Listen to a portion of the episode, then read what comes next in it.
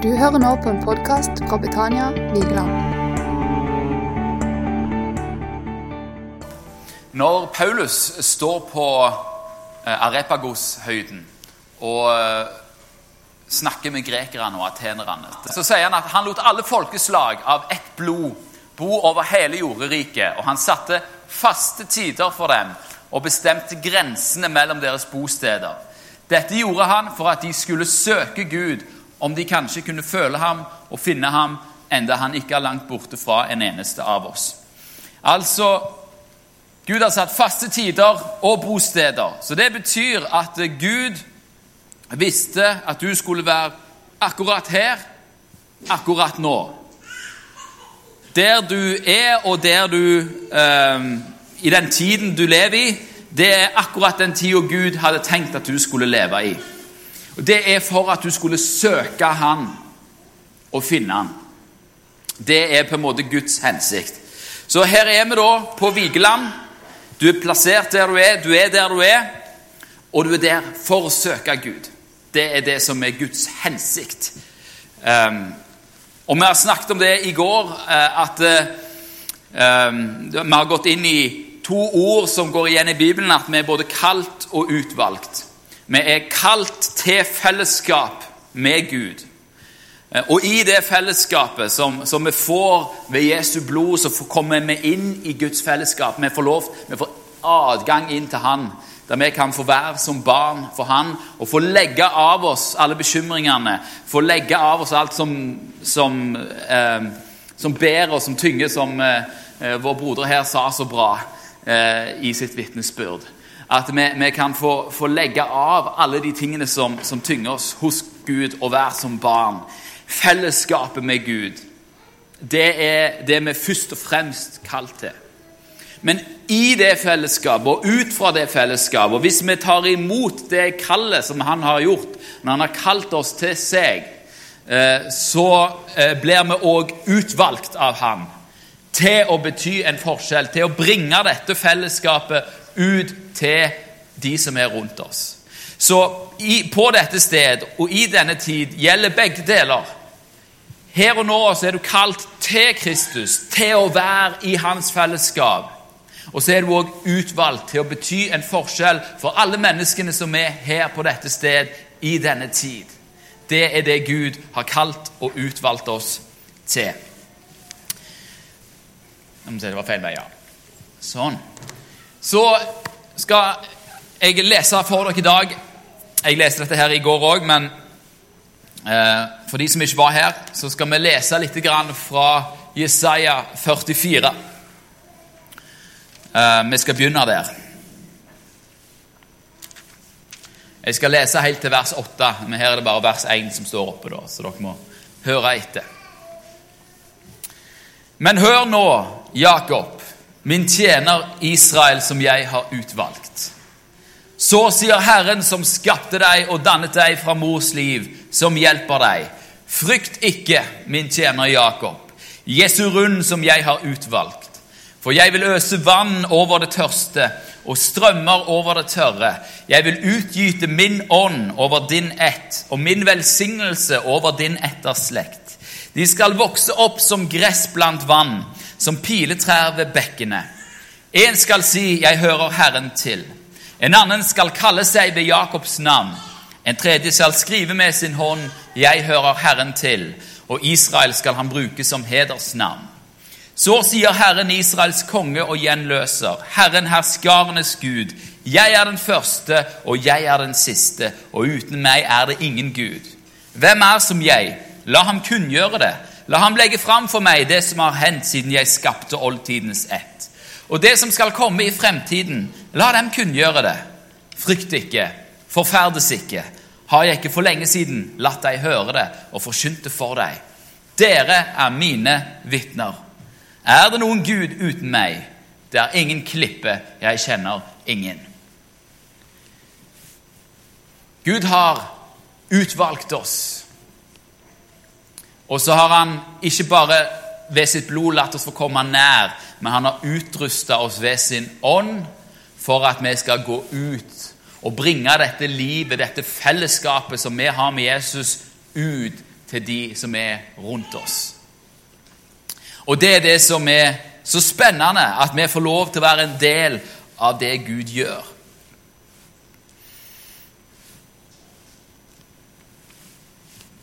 Her står det at eh, Gud vil la det øse ut Han vil øse ut sin ånd over oss.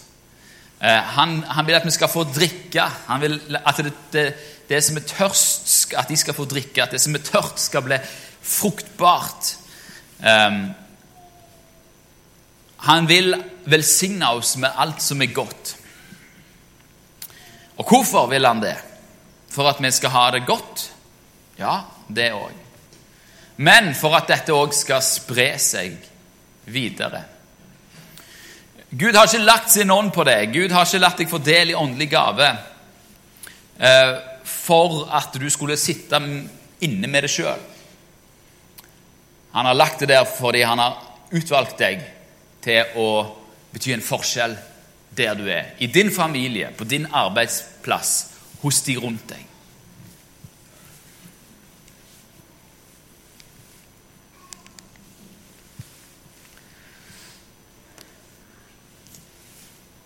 Når vi tenker at vi skal bety en forskjell for de rundt oss Når, vi hører det i Norge i 2019 og dette var sant i 2016 òg, og i 2011, og så lenge jeg har levd på denne jorda, i dette landet, så er det sånn at med en gang vi hører dette her, at eh, vi skal bety en forskjell, vi skal bringe evangeliet ut, vi skal være vitner om det Jesus har gjort, så er det et eller annet som strammer seg litt i nakken man kjenner det kanskje i, i, eh, i, magen. Man blir fulgt av litt dårlig samvittighet fordi man vet at man ikke har gjort det.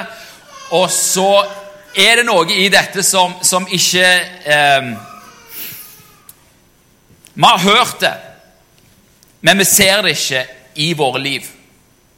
Vi vet, vi, vi, vet, vi, vi vet ofte at vi, er kalt til å gjøre det, men hver gang blir, man konfronterer folk med det, så kjenner man at det, det, det snører seg litt. Hvis jeg spør dere, og jeg kommer til å spørre dere litt i dag Hvis det stikker i hjertet, så er det helt fint. Da er det akkurat som det skal.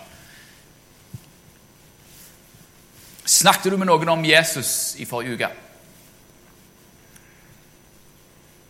Som ikke tror.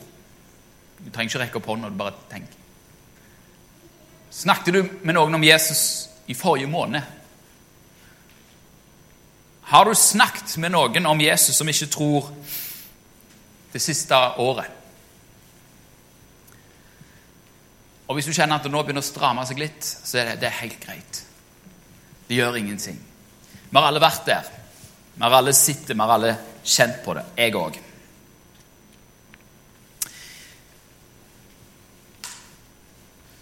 Vi tenker ofte at uh, vi ikke har det som skal til, eller vi syns det er vanskelig og det er ikke naturlig, og, og alle sånne ting. Og, og, og jeg, Vi skal gå litt, litt inn i det.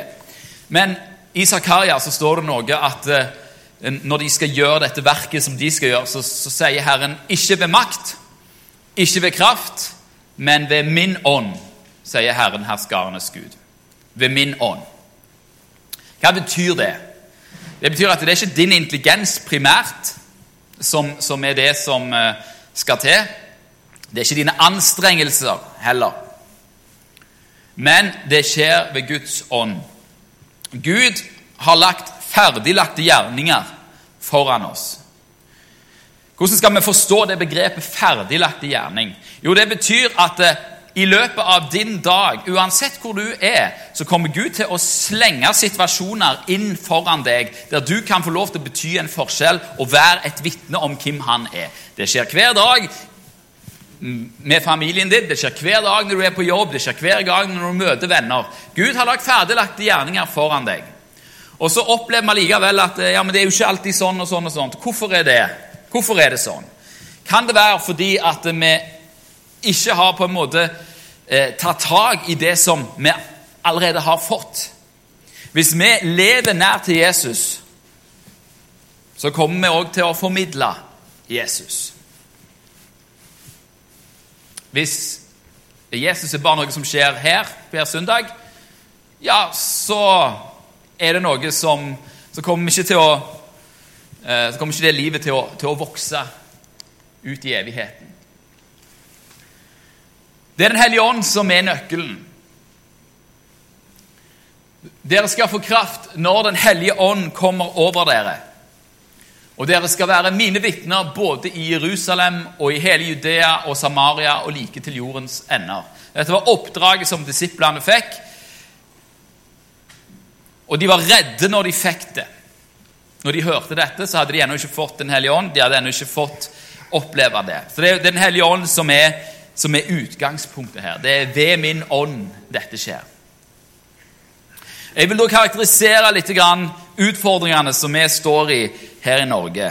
Og, og jeg, jeg, skal, eh, jeg, skal jeg skal sette fingeren på en spesifikk synd som, som er så innarbeida i vår kultur at vi ikke merker det engang.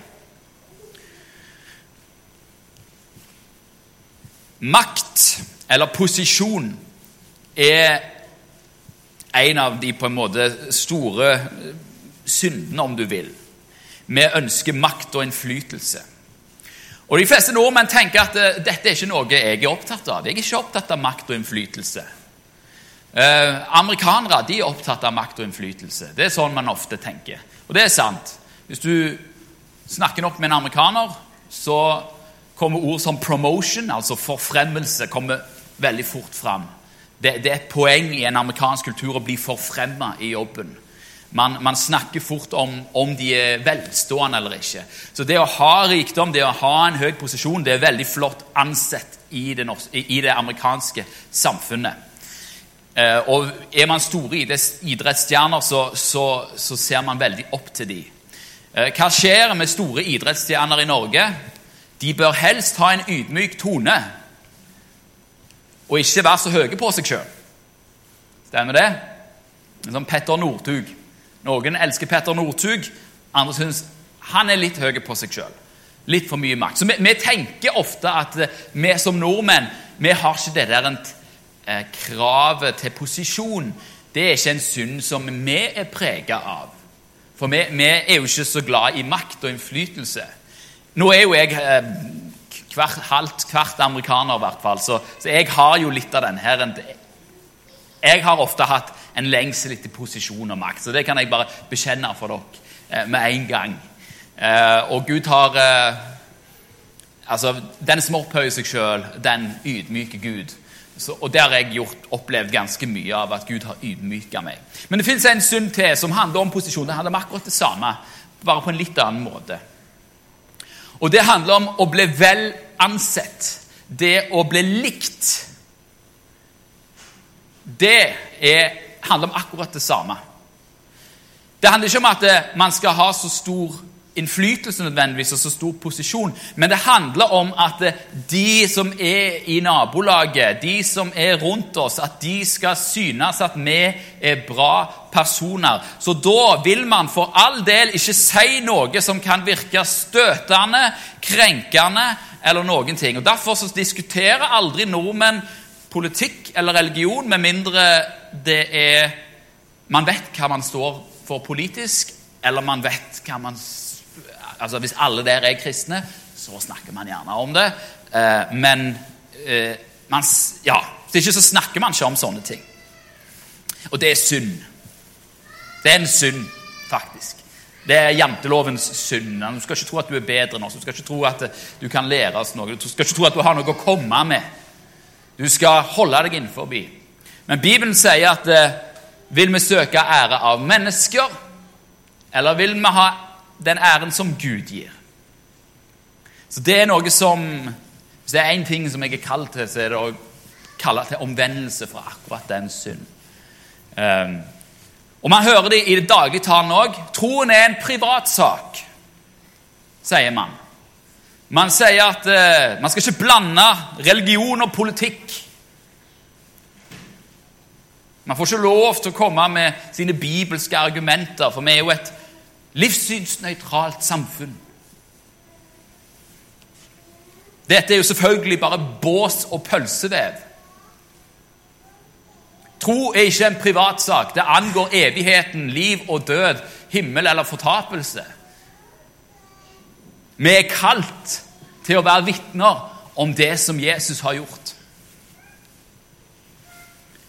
Når du dør, så skal du ikke stå ansvarlig overfor den norske domstolen. Du skal stå ansvarlig overfor Gud i himmelen med hvordan du har forvalta ditt liv. Og Da hjelper det ikke å si at i mitt samfunn så eh, snakket vi ikke om sånne ting. I mitt samfunn så var troen en privatsak. Men Gud har ikke kalt det en privatsak. Han har kalt at vi skal erklære det, proklamere det overalt der vi går. Hvordan skal vi da gjøre dette? Jo, man skal gjøre det ved Hans ånd. Det betyr ikke at det er nødvendigvis at du skal stå og gaule dette her ute på, på gata eller på butikken. Det er lov å bruke hodet, men du må være såpass trygg i eh, hvem du er, at du ikke bryr deg så veldig mye om naboen syns du er rar. Ja, men det kan jo være at naboen ikke liker meg. Det kan være. Hva så? Det kan være at vi får motstand og at bla, bla, bla. og sånn. Ja, det kan det. Hva så?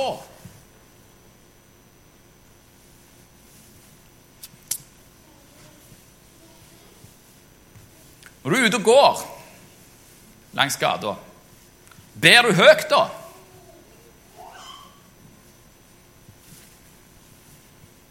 Er du redd for at noen da skal høre hvis du ber?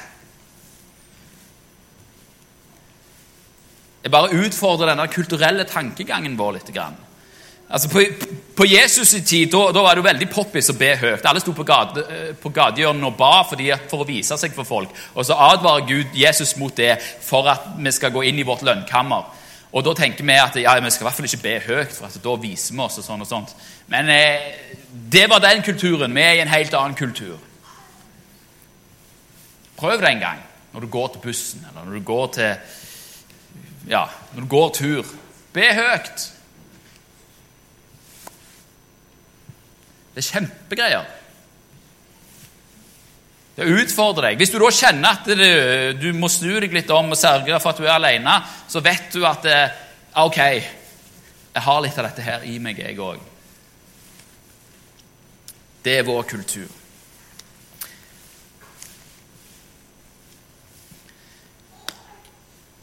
Det er Jesus som har utvalgt oss. Dere har ikke utvalgt meg, men jeg har utvalgt dere og bestemt dere til å gå ut og bære frukt. Og Deres frukt skal vare for at Faderen skal gi dere alt dere ber Han om i mitt navn. Du vet, Gud er en smart Gud. Og Hvis vi føler at vi vet ikke helt hvordan vi skal ta dette evangeliet som vi har, og dele det med våre venner, så kan vi jo spørre Han som har skapt våre venner, og skapt oss, og, og kjenner vår kultur inn og ut. Snakk med Gud, vær med Gud. La han lære deg, la han fylle deg opp. Kjenn at du er frimodig. Hvis det er én ting jeg vil at dere skal gjøre Eller jeg vil at dere skal gjøre, akkurat som om jeg har noe myndighet over dere. Det har jeg ikke. Men en ting som kan være lurt å gjøre, en ting som ingen noen gang kan si noe mot, det er ditt vitnesbyrd. Hva har Gud gjort i ditt liv? Det burde enhver kristen kunne Hvis jeg spør deg bam, hva har Gud gjort i ditt liv, så burde pam, pam, pam, pam, pam kommet med en gang. For det er det du er vitne om, hva Gud har gjort i ditt liv. Det som er så herlig med ditt vitnesbyrd, er at ingen kan si noe imot det. De kan ikke si 'nei, det tror jeg ikke skjedde med det'. Så liksom, Hallo, jeg har opplevd det. Det var dette som skjedde. Det er dette Gud har gjort. Ingen kan si noe mot det. Det som også er bra, at da, da slipper du å på en måte da, da, handler det ikke om at du skal overbevise folk om, din, om at Gud fins, eller at Gud er rettferdig. Du bare forteller hva Gud har gjort i ditt liv. Det gjør inntrykk på mennesker. Fordi det er personlig, og det er ekte, det kommer fra hjertet. Gjør klart ditt vitnesbyrd. Dere er kalt til å være vitner om hva han har gjort. Så har Gud bestemt oss til å bære frukt. Hva vil det si å bære frukt? Jo, vi er bestemt til å eh, Altså, det som vi har opplevd med Jesus, er vi kalt til å Altså, det skal komme ut av våre liv. Eh, du vet at du blir litt sånn som eh, de du henger med. Jeg, jeg, merker på broren min nå sant? Han har vært litt lenge på Sørlandet. Så han begynner å få noen sånne sørlandsfraser og drag over måten han snakker på. Eh, og så er det litt sånn morsomt, for Svein Kåre som sitter der nede, han, han har opplevd akkurat det samme. Så, så, de to begynner å høres ganske like ut eh, når de snakker, fordi at de, de henger mye sammen. da, Det, det gjør de. Og så ja, så er de på en måte vestlendinger på, eh, eller på Sørlandet. og Da får de en sånn, sånn spesiell måte å snakke på som er ganske løye, syns jeg. da. For de høres like ut hverandre. Du, du, du blir påvirka av de du tilbringer tid sammen med. Hvis du tilbringer tid med Jesus, og det er jo det vi er meint å gjøre Vær i hans fellesskap, i bønn, i Bibel, i lovsang. Eh, ikke bare her, men hver dag, hele tida. Så vil du bli prega av Jesus. Og det er sånn at Den eneste Jesusen som de som ikke tror, ser, det er den Jesus du viser dem. Så alle Jesus sine egenskaper, tålmodighet, kjærlighet, godhet Det som kalles åndens frukt, som du kan lese om i Galaterbrevet, det er Ja, det har på en måte gult eh, det, det er noe som skal vokse fram i våre liv. Og Så kan det være at det er noen her som eh, Gud har kalt til noe spesielt. Du opplever det når du er med Gud, at eh, å, jeg skulle ønske at mm, Der, der skulle det Du ser et behov, og du ønsker å fylle det behovet. Um, og det er min oppmuntring til dere her i dag, at uh, hvis Gud legger på dere noe, så, så gjør det. Gå på det. Um, vi har ofte noen sånne forestillinger om at uh, hva vi skal gjøre, og hva vi skal få til å, og begripe og sånt. Um, og, og, da syns jeg at um, Forest Gump er på en måte en veldig god guide til hvordan man skal uh, leve dette livet i Guds rike. Jeg vet ikke, De av dere som ikke har sett Forest Gump, så handler det om en person som er relativt tilbakestående intelligensmessig, men som på en eller annen måte får til veldig masse i livet. Og Han er da i det amerikanske forsvaret rett før Vietnamkrigen. og Da kommer sersjanten opp til Forest Gump, og så roper han Gump! Hva er din ene hensikt i denne hæren? Hva er din hensikt i denne hæren? Og da svarer Forrest Gump Og gjør det du forteller meg, sersjant. Og da svarer sersjanten det er det beste svaret jeg har fått noen gang. Du må ha en IQ på 160. Du er begava. Vår hensikt i Guds rike er å gjøre det Jesus har sagt at vi skal gjøre. Han har gitt beskjed her i ordet hva vi skal gjøre. Og så gir han òg beskjed i vår ånd, i, vår, i, det fellesskapet. Så sier Gud nå skal du ut og gjøre det. Da må du gå ut og gjøre det.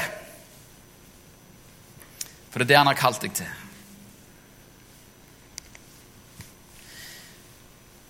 Så skjer det jo da sånn at når Gud kaller oss, og når jeg snakker om dette, her, så kjenner dere fort på at jeg strekker ikke helt til dette her. Jeg, ikke, jeg fikser ikke dette.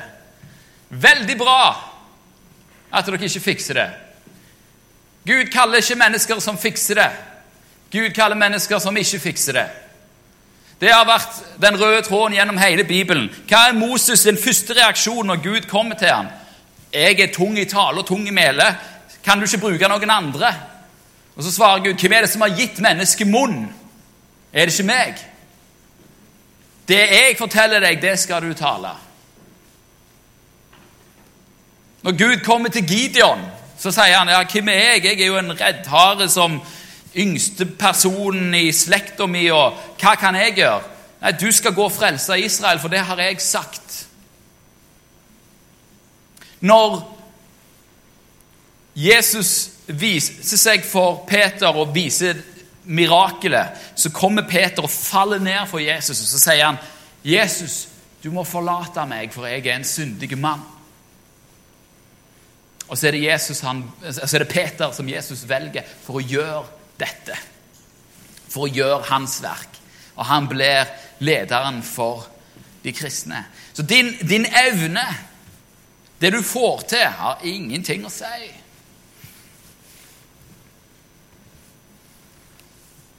Du vet, det er ikke jeg som skal redde Vigeland. Jeg, jeg kommer her og gir dere noen input, men jeg bor jo ikke her. Jeg kjenner ikke de menneskene som er rundt her. Det er dere som gjør det. Det er dere Gud har kalt og brukt til dette. Så står det òg dette er så oppmuntrende. Paulus sier til korinterne.: Brødre, legg merke til dette. 1. Korinterbrev 26-29. Legg merke til det kall dere fikk. Ikke mange vise etter kjødet ble kalt. Ikke mange mektige, ikke mange av høye ett, men det dåraktige i verden. Det, det utvalgte Gud seg for å gjøre de vise til skamme. Og det som er svakt i verden, det utvalgte Gud seg for å gjøre det sterke til skamme.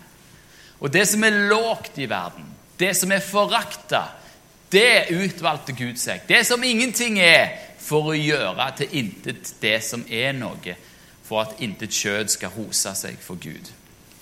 Det er ingen unnskyldning for å ikke gå den veien som Gud har kalt deg til. Det er ingen unnskyldning for ikke å være et vitne.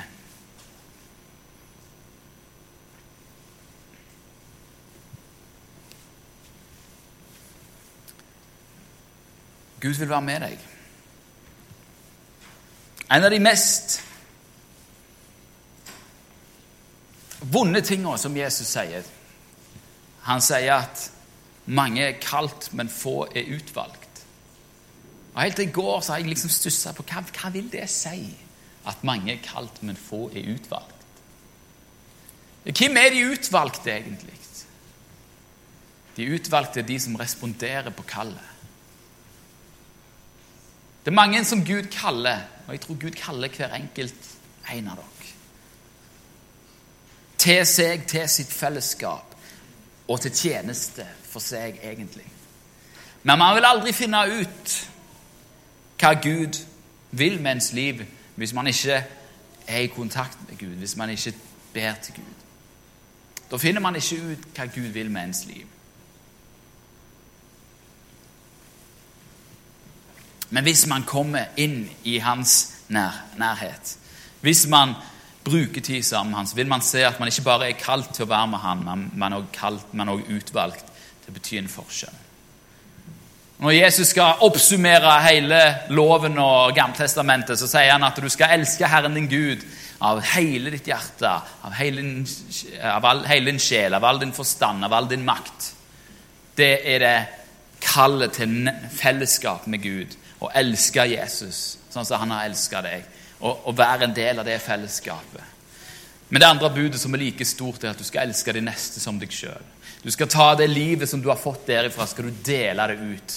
Eller som Øystein Gjerme som så bra har sagt det en gang Dette her må få konsekvens for dette her.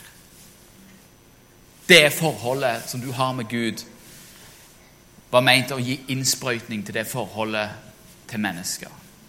Mange mennesker på, Vigeland som trenger hjelp. Mange mennesker på Vigeland som ikke vet veien. Det er mange mennesker på Vigeland som uh, har sår. Og så er, har Jesus, så bor Jesus i deres hjerter for at dere skal gå ut. Helbrede de sårene. Styrke det som var svakt forandre den verden som er rundt dere. Det er jo ikke et lite oppdrag.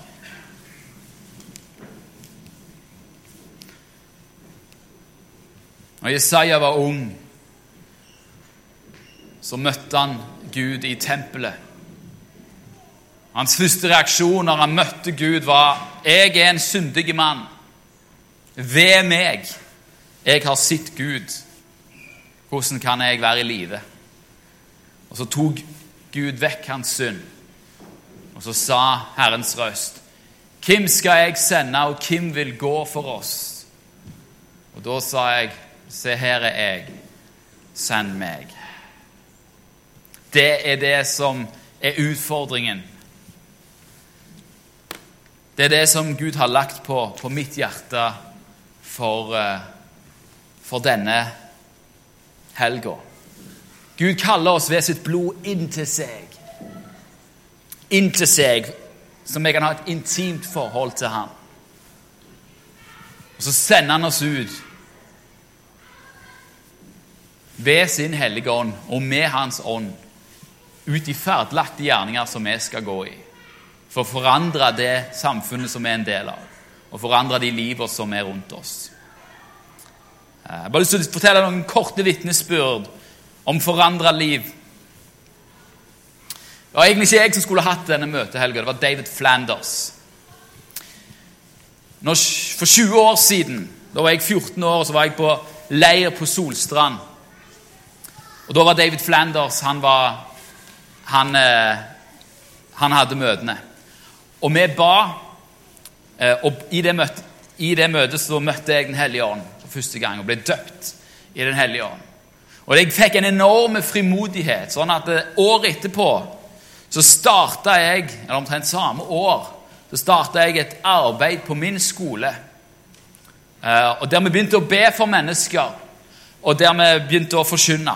Og så så vi ikke så veldig mye store resultater. Men jeg husker en av de som jeg var med, som jeg visste var oppvokst i et eh, kristent hjem.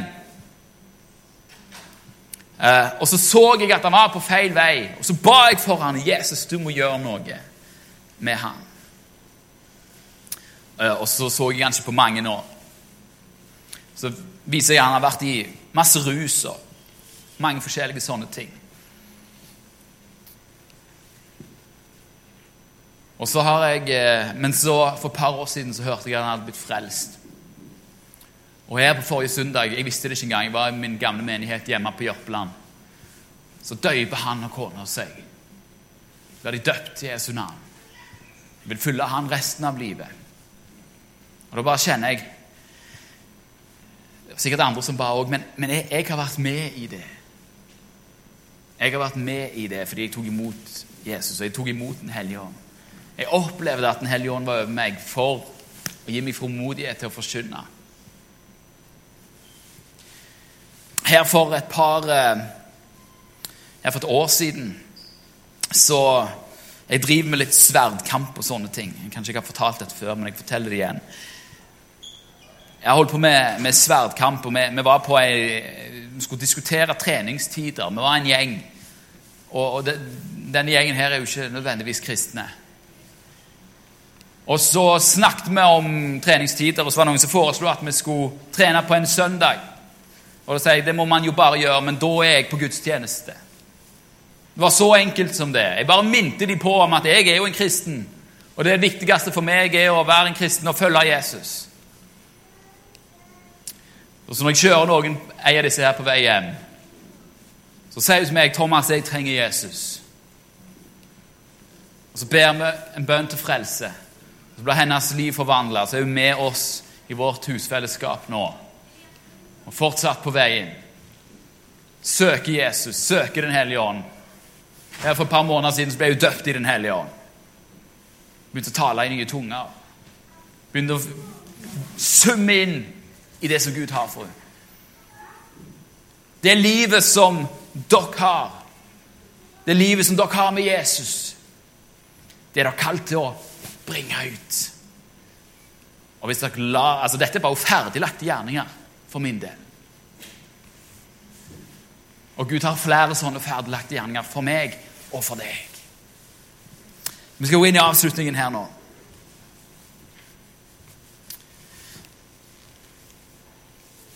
Dette spørsmålet Hvem, vil gå, hvem skal jeg sende? Hvem vil gå for oss? Det er spørsmålet som går ut her. Og Det sitter mennesker her inne som Gud har kalt til spesifikke ting. Og du vet det, og du kjenner det hamre, kanskje. Og Da skal vi gjøre rommet åpent, og så skal vi få lov til å komme og bli bedt for. Jeg ønsker å be for deg som Spesielt du som merker at du vil Du har et kall. Har, Gud har utvalgt deg til en spesiell opp, oppgave. Og til deg som kjenner at øh, Nei, jeg blir bare dårlig humør av dette her. Jeg, jeg, jeg eh, har nok med mine egne ting. Var det så herlig som vår bror sa, at eh, vi kan komme med våre egne ting og legge det av hos Jesus. Og Det skal du òg få lov til her i dag.